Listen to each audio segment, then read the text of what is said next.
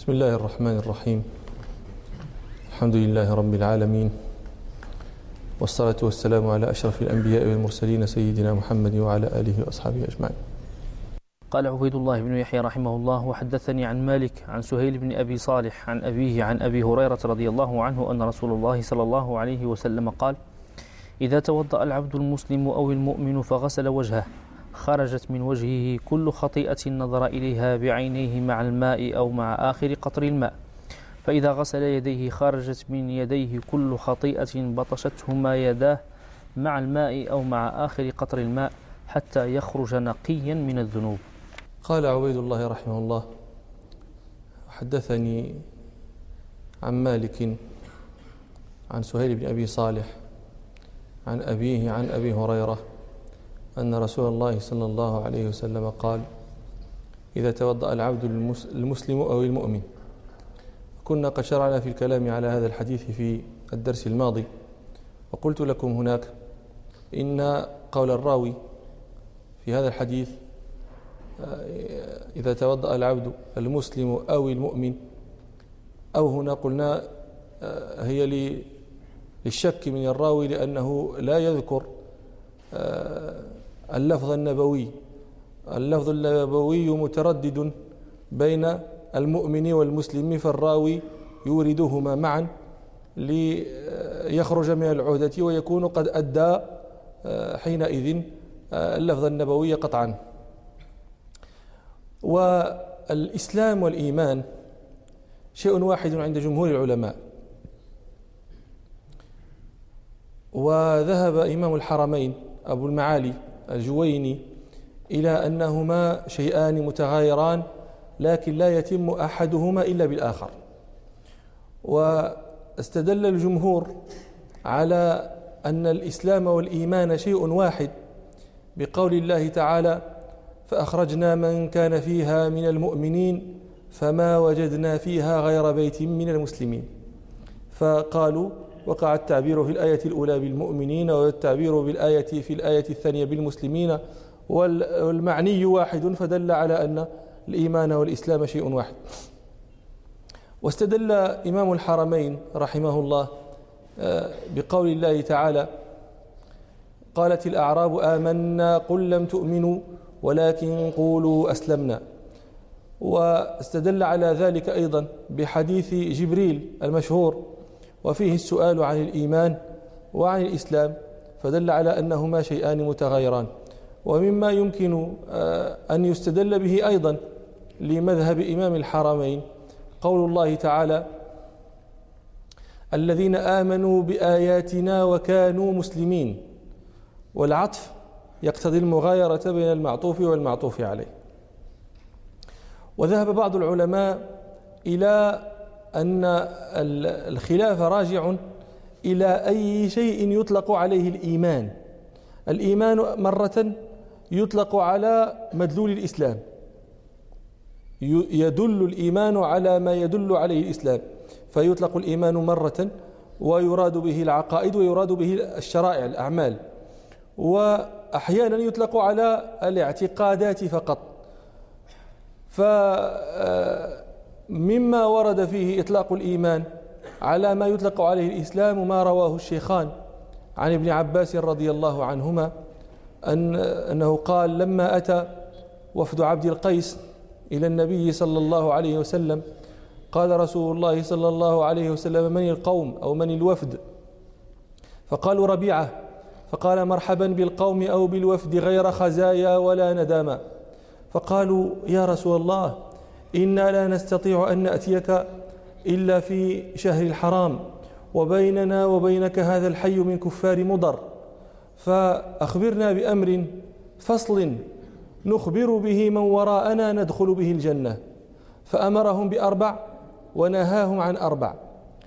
فأمرهم بالإيمان بالله عز قال صلى الله عليه وسلم آمركم فأمرهم بالإيمان بالله عز وجل وحده. ثم قال هل تدرون ما الإيمان بالله عز وجل؟ قالوا الله ورسوله أعلم. قال أن الإيمان بالله عز وجل قال الله ورسوله قال آه، شهادة أن لا إله إلا الله وأن محمد رسول الله وإقام الصلاة وإيتاء الزكاة وأن تعطوا الخمس من المغنم. ففسر رسول الله صلى الله عليه وسلم الإيمان في هذا الحديث بالأعمال. وهذا مدلول الإسلام ويدل على ذلك أيضا ما رواه مسلم في صحيحه عن أبي هريرة رضي الله عنه أن رسول الله صلى الله عليه وسلم قال الإيمان بضع وسبعون أو بضع وستون شعبة فأفضلها لا, لا إله إلا الله وأدناها إماطة الأذى عن الطريق. وهذا أيضا فيه تفسير للإيمان بالأعمال وبما يدخل بالعقائد والشرائع.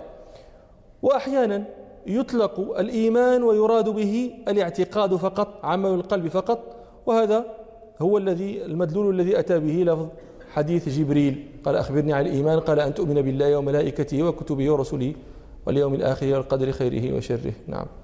إذا توضأ العبد المسلم أو المؤمن فغسل وجهه خرجت من وجهه كل خطيئة نظر إليها بعينيه مع الماء أو مع آخر قطر الماء. وقد أخبرتكم آه، أن هذا التحري آه، هذا من آه، من رحمة الله تعالى بهذه الأمة ومما سبق في علم الله أن يحوط به رسالته الخاتمة رسالته التي ختمت الرسالات. وهذا لأن الله تعالى هو الذي تولى حفظها. إنا نحن نزلنا الذكر وإنا له لحافظون. وإنما لم يقع مثل هذا في الرسائل التي تقدمت الإسلام لأن أهل تلك الرسائل هم الذين استحفظوا. لم يتولى الله الحفظ. لما سبق في علم الله تعالى أنه ستأتي الرسالة التي تختم. أما الرسائل الأخرى فقد استحفظ آه، فقد تولى أهلها حفظها فلم يحسنوا الحفظ.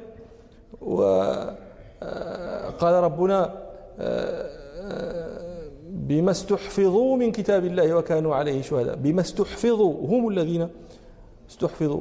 وهذا التحري هذا في قوله هنا مع الماء أو مع آخر قطر الماء نحن نقطع أن لفظا واحدا هو لفظ رسول الله صلى الله عليه وسلم ولفظ الآخر هو لفظ الراوي.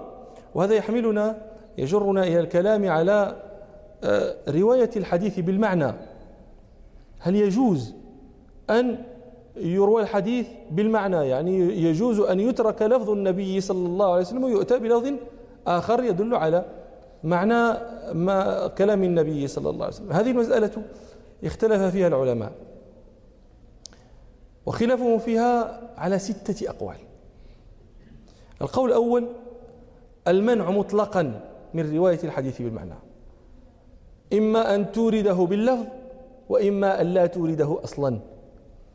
وهذا القول آه، مروي عن ابن عمر رضي الله عنهما.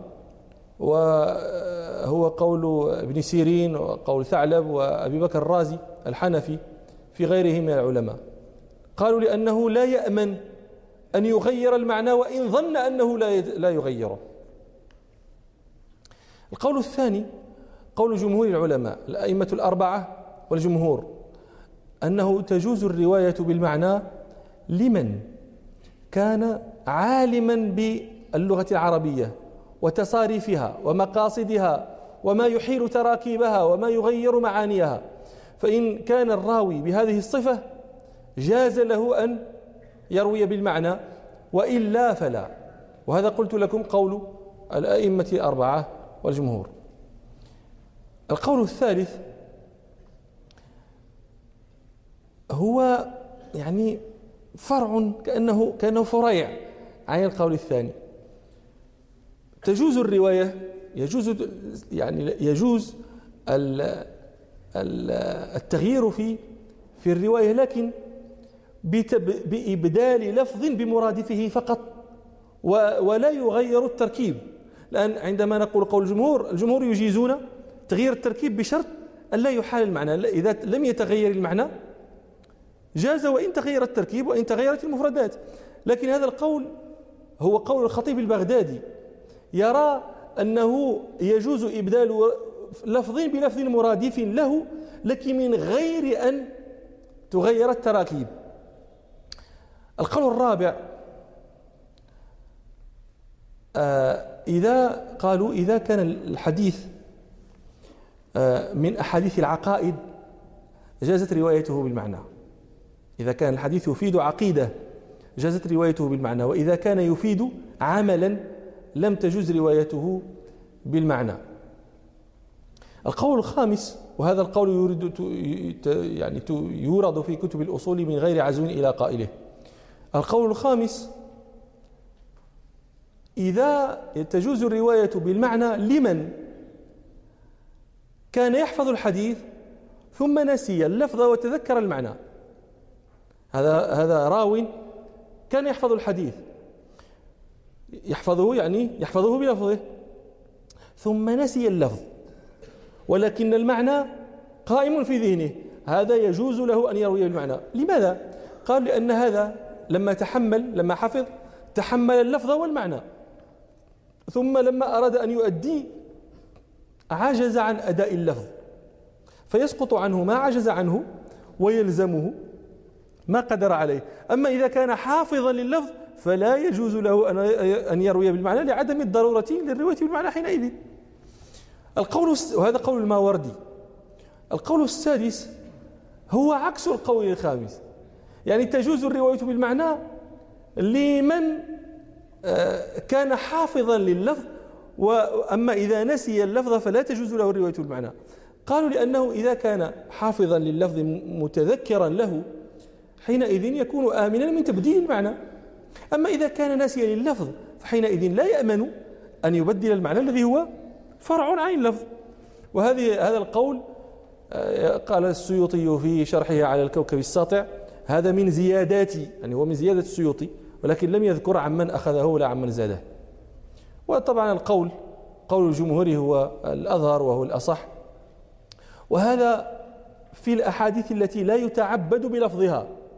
أما الأحاديث التي يتعبد بلفظها آه، الصلوات على النبي صلى الله عليه وسلم آه، أذكار الصلوات آه، الأحاديث التي يتعبد بلفظها فهذه لا تجوز روايتها بالمعنى إجماعا. هذا موضع إجماع بالعلماء وهناك في هذه المسألة إجماع آخر وهو ما نقله الراهوني المغربي المالكي أحد كبار علماء المغرب. قال أجمع الناس على جواز الترجمة. إلى غير العربية لضرورة التبليغ للعجم. حديث النبي صلى الله عليه وسلم. والترجمة هذه رواية بالمعنى. فهذا أيضا موضع أجمع عليه الناس. وفي هذا الذي ذكرت لكم حمل لكل متسرع إلى التأني وإلى التروي في في ذكر أحاديث الرسول صلى الله عليه وسلم. وأن لا يتجرأ الإنسان أن لا يكون فيه الجرأة على الرواية. وهو لا يحفظ اللفظ. إذا كان يحفظ اللفظ هذا لا بأس. ولكن إذا كان لا يحفظ كم من الناس الآن الذين يقولون قال رسول الله أو كما قال النبي صلى الله عليه وسلم وهو لا يعرف تصاريف لغة العرب؟ أنتم تسمعون أن قلت لكم إن الجمهور يقولون تجوز الرواية بالمعنى ولكن لمن؟ لمن كاد تعدم في هذه الصفة في هذا العصر؟ القضية إذا تحتاج إلى شيء من يعني من من الروية ومن الخشية على النفس. كان المتقدم ابن عمر أو ابن مسعود وغيرهم من من من من أئمة المتقدمين كانوا إذا والإمام مالك كانوا إذا شرعوا في التحديث. لا ينفصل من الحديث حتى يكون جبينه يتصبب عرقا من شدة الخوف أن يغير ما يخاف من تغييره. وهذا الإمام مالك وهذا الناس الذين كانوا يرتضعون العربية من أثداء أمهاتهم. يتكلم العربية كما يتكلم أحدنا الدارجة. وهو عليم بتصاريفها ومقادير ما يحيل معانيها ومع ذلك يكع إذا يعني إحنا فينا الجرأة ينبغي أن يعني أن نخشى ونشفق على أنفسنا. نعم. فإذا غسل يديه خرجت من يديه كل خطيئة بطشتهما يداه. خرجت من يديه كل خطيئة بطشتهما يداه. الضمير التثنية بطشتهما على أي شيء يعود؟ لا يمكن أن يعود على يديه. اليدان فاعل هنا. وبطشتهما ضمير مفعول به. لا يكون فاعلا مفعولا به. ولهذا خطأ الناس رواية يحيى بن يحيى. رواية يحيى الليثي هي هذه التي سمعتم. خرجت من يده كل خطيئة بطشتهما يداه. أكثر رواة الموطأ يروون هذا الحرف بطشتها يداه بطشتها أي بطشت؟ الخطيئة. لأن الضمير يعود على الخطيئة ولا يعود على اليدين. ورواية الأكثرين هي الصواب وهذه من أخطاء يحيى بن يحيى الليثي في الرواية. آه، البطش هو التناول والأخذ بشدة والمقصود به هنا العمل. ما بطشتها يداه كل خطيئة بطشتها يداه عملتها يداه قالوا بطش يبطش ويبطش مضارعه آه، مكسور العين ومضمومها والكسر أفصح من الضم نعم. إذا توضأ العبد المسلم أو المؤمن فغسل وجهه خرجت من وجهه كل خطيئة نظر إليها بعينيه مع الماء أو مع آخر قطر الماء. هذا الحديث به نزع طائفة من العلماء طائفة من الحنابلة ومن الحنفية الحنفية بعض الحنفية وبعض الحنابلة لهم قول. يقولون إن الماء الذي يستعمل في الوضوء الذي يستعمل لرفع الحدث في وضوء أو في غسل. هذا الماء الذي استعمل يكون نجسا يتنجس. يعني لو قدر مثلا أن أحدنا توضأ وهذا الماء الذي استعمله سقط في إناء. هذاك الإناء لا يمكن أن يستعمله في شيء لأن ذلك الماء المجتمع فيه نجس. قلت لكم بهذا الحديث نزعوا كيف؟ قالوا لأن الذنوب تخرج مع الماء. فتنجسه. وهذا قول في غريب هذا قول غريب. لماذا؟ لأن الذنوب والخطايا السيئة ليست لها أجرام. تغير الماء. نحن تقدم لنا أن الماء إذا لم يتغير وصف من أوصافه الثلاثة فهو على أصله من الطهارة والسيئات ليست لها أجرام تؤثر في الماء. نعم. وطبعا هذا القول مردود رده جماهير العلماء فإن في المذهب عندنا أن الماء المستعمل في في رفع حدث هذا مكروه. مكروه إذا وجد غيره أما إذا لم يوجد فلا بأس به نعم.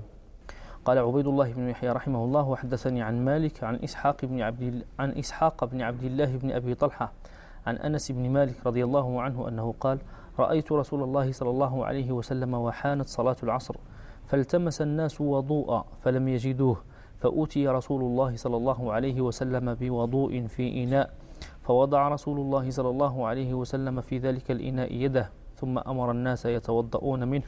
قال أنس فرأيت الماء ينبع من تحت أصابعه فتوضأ الناس حتى توضأوا من عند آخرهم.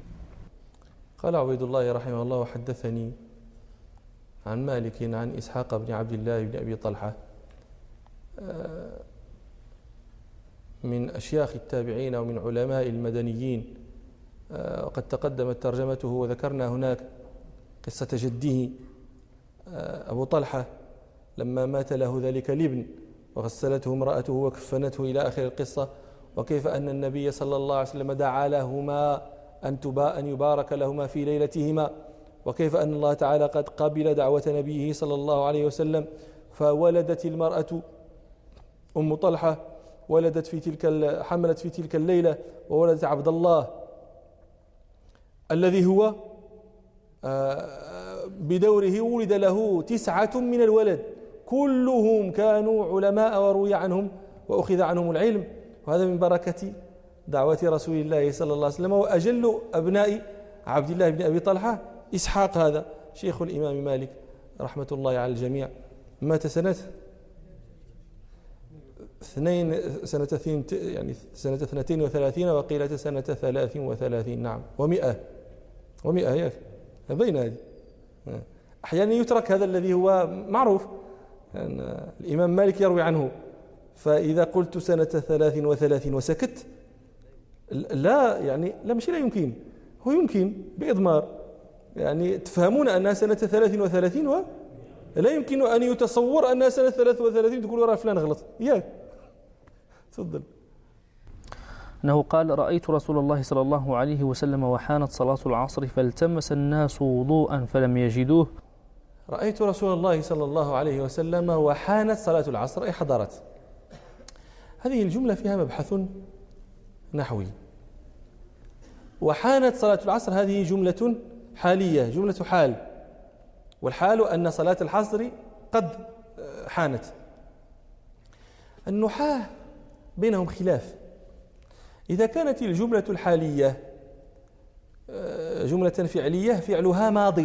مثل وحانت صلاة العصر. هذه جملة فعلية فعلها ماض وهي في موضع النصب على الحال. إذا كانت جملة فعلها ماض هل يجوز أن آه، آه، أن تأتي من غير قد أو يشترط إتيان قد قبل الفعل؟ قد هذا حرف تحقيق يعني هل هل هل يشترط أن يقال وقد حانت صلاة العصر؟ أم يجوز أن يقال وحانت صلاة العصر؟ البصريون وابن عصفور من متأخري المغاربة وغيرهم يرون أنه لا بد من اشتراط قد. لا يمكن أن تأتي الجملة الفعلية التي فعلها ماض في موضع الحال إلا وقبل الفعل حرف قد. قالوا وإذا لم يكن ظاهرا وجب تقديره. يعني هم يمنعون من آه، آه، من آه، خلوص الجملة الحالية من قد إذا كان الفعل ماضيا. وذهب الأخفش والكوفيون إلى أن ذلك لا يشترط وأنه يجوز أن تكون الجملة في موضع الحال وفعلها ماض من غير من غير من غير قد. واستدلوا على ذلك بأنه ورد في الكلام العربي الفصيح بل ورد في القرآن العظيم. قال ربنا سبحانه كيف تكفرون بالله وكنتم أمواتا فأحياكم. وكنتم أمواتا هذه جملة حال ولا قد فيها. وقال ربنا سبحانه آه ونادى نوح الرب ونادى نوح ابنه وكان في معزل يا بني اركب معنا. ونادى نوح إبنه وكان في معزل هذه وكان في معزل جملة حالية وليس فيها قد. واستدلوا على ذلك أيضا بقول الله تعالى آه، آه، قال رب أن يكون لي غلام وكانت امرأتي عاقرة. هذه وكانت امرأتي عاقرة حال جملة حالية وليس معها قد.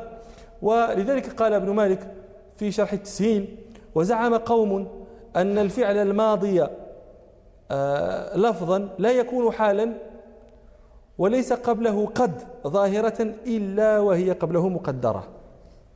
قال وهذه دعوى لا دليل عليها. علاش قال لأن الأصل عدم التقدير. يعني الآن إذا قيل قال الله تعالى كيف كيف تكفرون بالله وكنتم أمواتا؟ قالوا هم تقدير وقد كنتم أمواتا. قلنا لهم الأصل عدم التقدير. لا احتياج إلى التقدير. ومما يبين ذلك أن ابن مالك رحمه الله يقول آه ال ال ال هذه قد إذا قدرناها لا تزيد معنى لا يفهم بدونها. وكنتم أمواتا. إذا قلت هنا يجب أن تقدر قد فتقول التقدير وقد كنتم أمواتا.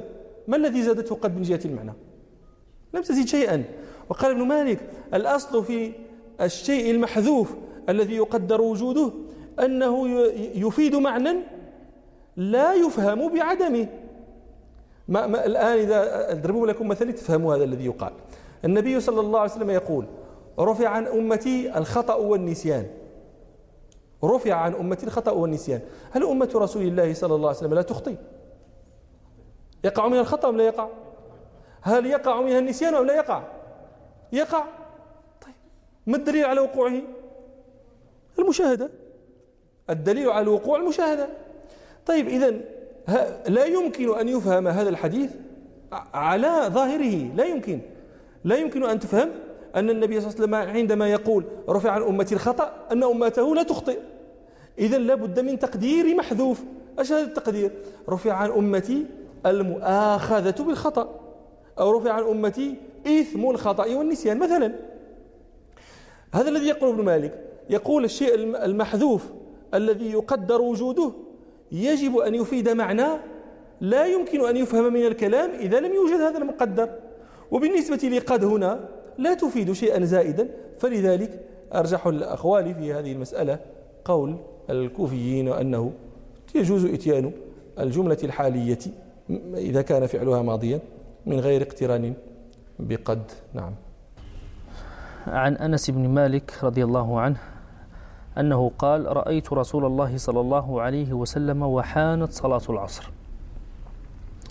أنه قال رأيت رسول الله صلى الله عليه وسلم وحانت صلاة العصر فالتمس الناس وضوءا فلم يجدوه فأتي رسول الله صلى الله عليه وسلم بوضوء في إناء فوضع رسول الله صلى الله عليه وسلم في ذلك الإناء يده ثم أمر الناس يتوضؤون منه. قال أنس فرأيت الماء ينبع من تحت أصابعه فتوضأ الناس حتى توضأوا من عند آخرهم. وهذه من من كرامات رب العالمين لرسوله صلى الله عليه وسلم من دلائل نبوته ومن معجزاته التي أكرم الله تعالى بها رسوله صلى الله عليه وسلم. وهذه من عجائب الأمور التي لم تشاهد لا عند الأولين ولا عند الآخرين.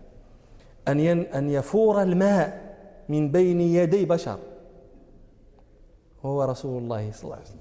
ولذلك قالوا لما أرادوا المقارنة بين الآيات التي أوتيتها الرسل قالوا إنما أوتيه رسولنا صلى الله عليه وسلم أبلغ في آيات الأنبياء في في في معجزات الأنبياء مما أوتيه موسى عليه السلام. موسى فجر الله له الماء من الأحجار. اضرب بعصاك الحجر فانفجرت منه اثنتا عشرة عينا فانبجست منه اثنتا عشرة عينا. نعم هذا شيء مع حجر في صحراء. ويضرب بعصا جامد يضرب بجامد جاف يضرب بجاف. في فينتج ذلك ماء يتفجر من حجر هذا. لكن مع ذلك كم منا رأى أحيانا تكون في في بعض السكك في جبال الأطلس وبينما أنت تسير في يعني الجبال من على يمينك وشمالك إذا بك ترى عينا من ماء تخرج من حجر. نرى هذا ولكن لم يسمع قط. رجل نبع من بين أصابعه الماء. هذا هذا يعني أوغل في الإعجاز. آه، والله تعالى على كل شيء قدير. هذه من علامات قدرة الله تعالى.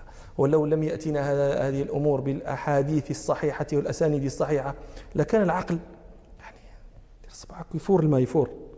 ماشي من يعني جدا. قال عبيد الله بن يحيى رحمه الله وحدثني عن مالك عن نعيم بن عبد الله المدني المجمر أنه سمع أبا هريرة رضي الله عنه يقول من توضأ فأحسن وضوءه ثم خرج عامدا إلى الصلاة. فإنه في صلاة ما دام يعمد إلى الصلاة وإنه يكتب له بإحدى خطوتيه حسنة ويمحى عنه بالأخرى سيئة. فإذا سمع أحدكم الإقامة فلا يسعى فإن أعظمكم أجرا أبعدكم دارا. قالوا لما يا أبا هريرة؟ قال من كثرة الخطى من أجل كثرة الخطى قال عبيد الله رحمه الله حدثني عن مالك عن نعيم بن عبد الله المدني المجمر. مولى عمر بن الخطاب. من سادات التابعين ومن علماء المدينة ومن حفاظهم. ولقب بالمجمر. المجمر هو الذي يطيب يبخر. أنه كان في رمضان إذا دخل عمر بن الخطاب المسجد كان يحمل أمامه المجمر يبخر به المسجد فلقب بالمجمر. نعم. وهو من أخص آه، آه، يعني أخص أصحاب أبي هريرة به. لازم أبا هريرة عشرين سنة. ومات رحمه الله سنة عشرين ومائة. وقيل سنة إحدى وعشرين. نعم. أنه سمع أبا هريرة رضي الله عنه يقول من توضأ فأحسن وضوءه ثم خرج عامدا إلى الصلاة فإنه في صلاة ما دام يعمد إلى الصلاة. توضأ فأحسن وضوءه ثم خرج عامدا إلى الصلاة خرج قاصدا إلى الصلاة لم يخرجه من بيته إلا الصلاة. فهو في صلاة.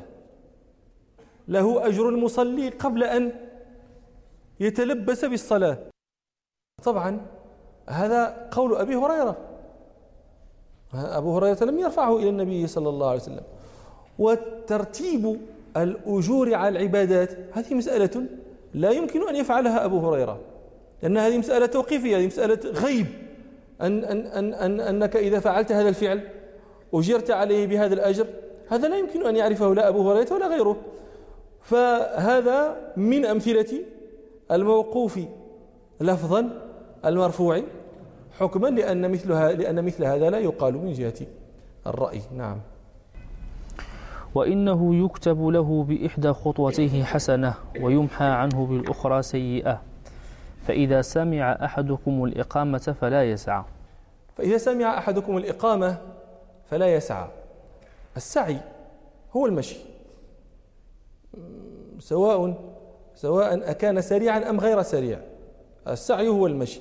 قال ربنا سبحانه فلما بلغ معه السعي. أي؟ المشي.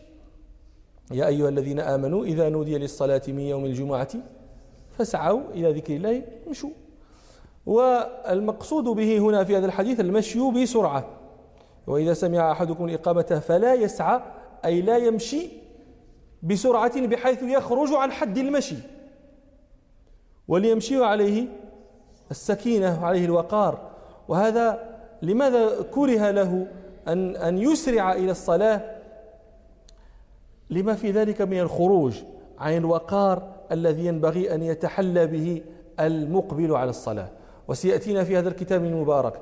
إن شاء الله قول رسول الله صلى الله عليه وسلم آه، إذا نودي للصلاة إذا ثوب بالصلاة فأتوها فلا تأتوها وأنتم تسعون وأتوها وعليكم السكينة والوقار فما أدركتم فصلوا وما فاتكم فأتموا فإن أحدكم في صلاة ما دام يعمد إلى الصلاة. لأي شيء تجري وهذا شيء مع الأسف نرى الناس يفعلونه ينبغي أن يتأدبوا بهذا الأدب النبوي. يدخل المسجد. أو ليه؟ ويرى الإمام راكعا. شري ماشي دابا ويركع هذا. كله مما لا ينبغي. أنت مق... أنت في صلاة. ماشي غير لما دخلت من الجامع. لما خرجت من بيتك أنت في صلاة فأي شيء مسرع فهذا أدب نبوي ينبغي أن يتحلى به والأجر لا يفوتك. نعم. فإذا سمع أحدكم الإقامة فلا يسعى فإن أعظمكم أجرا أبعدكم داره. قالوا لما يا أبا هريرة؟ قال من أجل كثرة الخطى نعم لأنه إذا كانت خطوة ترفعه درجة وخطوة تحط عنه سيئة. كلما كثرت خطأه كلما كثرت السيئة التي حطت وكثرت الدرجات التي رفعها. نعم. قال عبيد الله بن يحيى رحمه الله وحدثني عن مالك عن يحيى بن سعيد أنه سمع سعيد بن المسيب يسأل عن الوضوء من الغائط بالماء فقال سعيد إنما ذلك وضوء النساء. سعيد بن المسيب بن حزن آه، بن وهب المخزومي القرشي المدني سيد التابعين في زمانه. آه، تقدمت ترجمته وذكرنا هناك طرفي من أخباره آه، وأنه كان في خلقه آه، غلظ وقساوة ومن مذاهبه التي اشتهر بها أنه كان إذا صنع فيه يعني إذا أساء إليه بشر لم يرد الإساءة بمثلها ولكن لا يسامحه أبدا حتى يلقاه بإساءته أمام الله. هذه كان مذهب. لا يرد الإساءة ولكن لا يسامح أبدا حتى يطلقه عند عند الله. وقد قلت لكم إن هذه هذه الحزونة التي كانت في خلق هذه هذا العسر الذي كان فيه من آثار آه، رد بركة تسمية النبي صلى الله عليه وسلم لجده. تعرفون قد حدثتكم أن البخاري خرج في صحيحه عن وهبي عن عن المسيب بن حزن وهو أبوه سعيد المسيب. قال أن أباه أتى النبي صلى الله عليه وسلم فقال ما اسمك؟ قال حزن. فقال بل أنت سهل. بغى يبدل له النبي صلى الله عليه وسلم السمية. وكانت كان رسول الله صلى الله عليه وسلم أحيانا يغير أسماء من كان في أسمائهم شيء. فقال أنت سهل. الحزن هو الصعب. آه، والسهل فقال هذاك لا أغير اسما سمانيه أبي.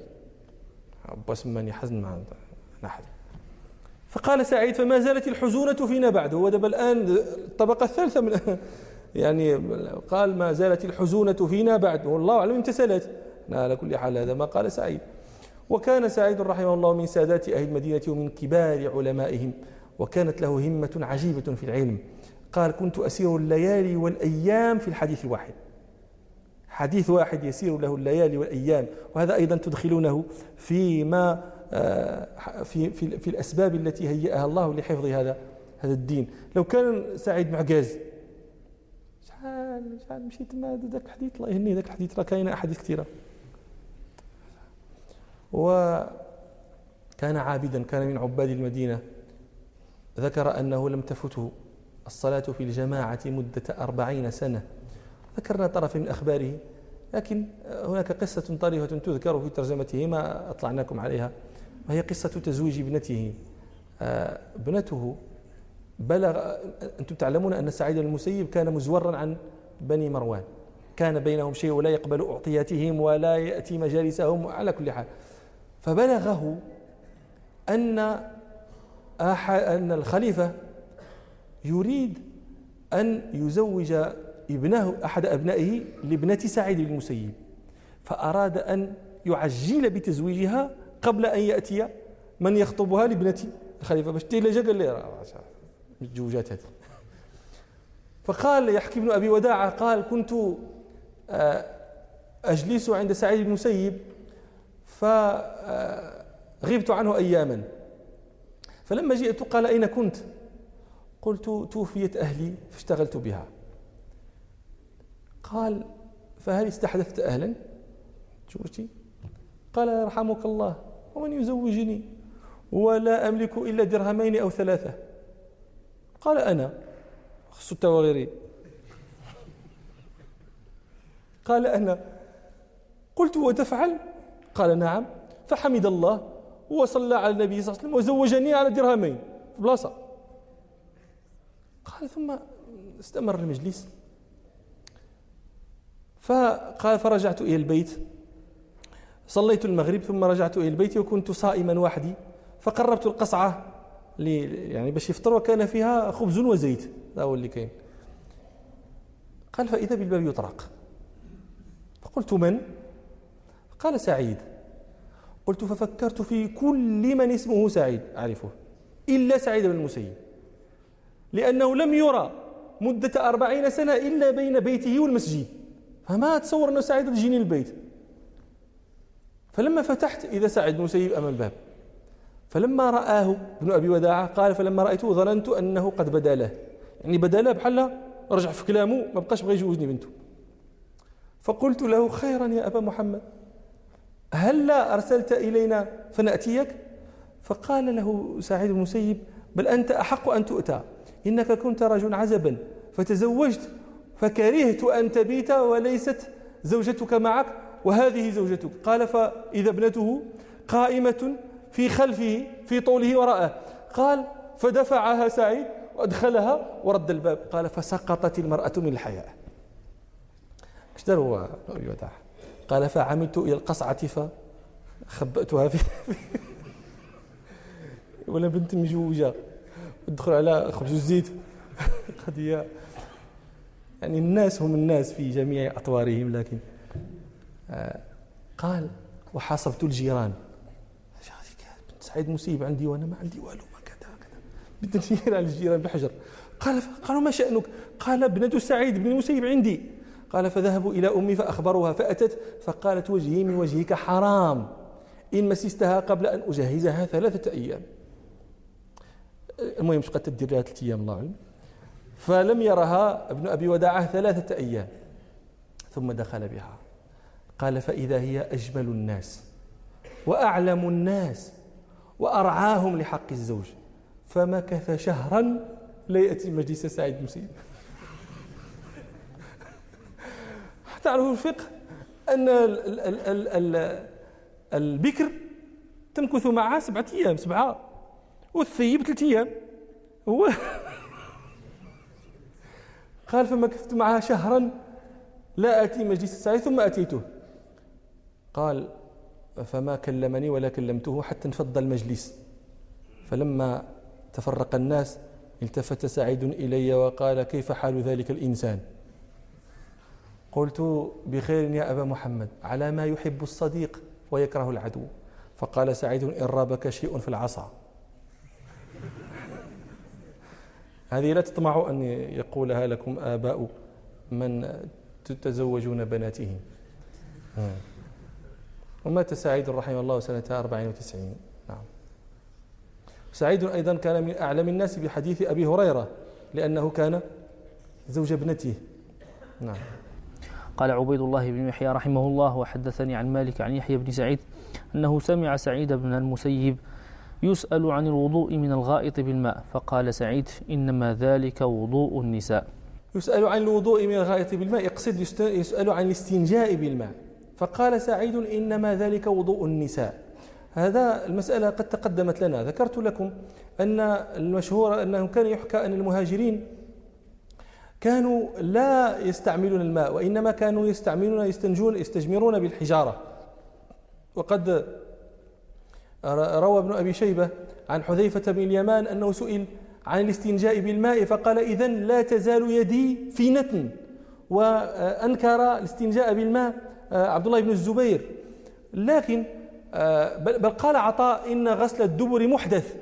والمسألة ليست كما قال عطاء رحمه الله لأنه لا خلاف بين العلماء أن قول الله تعالى فيه رجال يحبون أن يتط والله يحب المطهرين أنها نزلت في أهل قباء لأنهم كانوا يستنجون بالماء. وقد روى أحمد والترمذي والنسائي وأبو داود عن عائشة رضي الله عنها أنها قالت آه، للنساء مرن أزواجكن يغسلوا عنهم أثر الخلاء والبول بالماء فإننا نستحيي أن ننهاهم عن ذلك وإن رسول الله صلى الله عليه وسلم كان يفعله.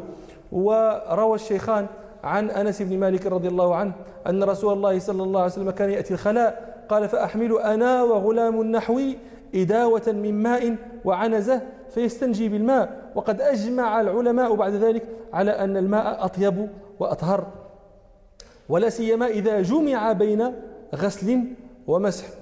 وعلى أن كلام سعيد بن المسيب له يمكن أن يفهم على وجه آخر. يفهم على أنه الذي يجب أن يستعمل الماء هو النساء. يعني سئل عن الوضوء لا عن الاستعمال لكن عن وجوب استعمال الماء. عن وجوب الاستنجاء بالماء فقال إنما ذلك وضوء النساء يعني ذلك لا يجزئ ذلك لا يجب إلا على النساء.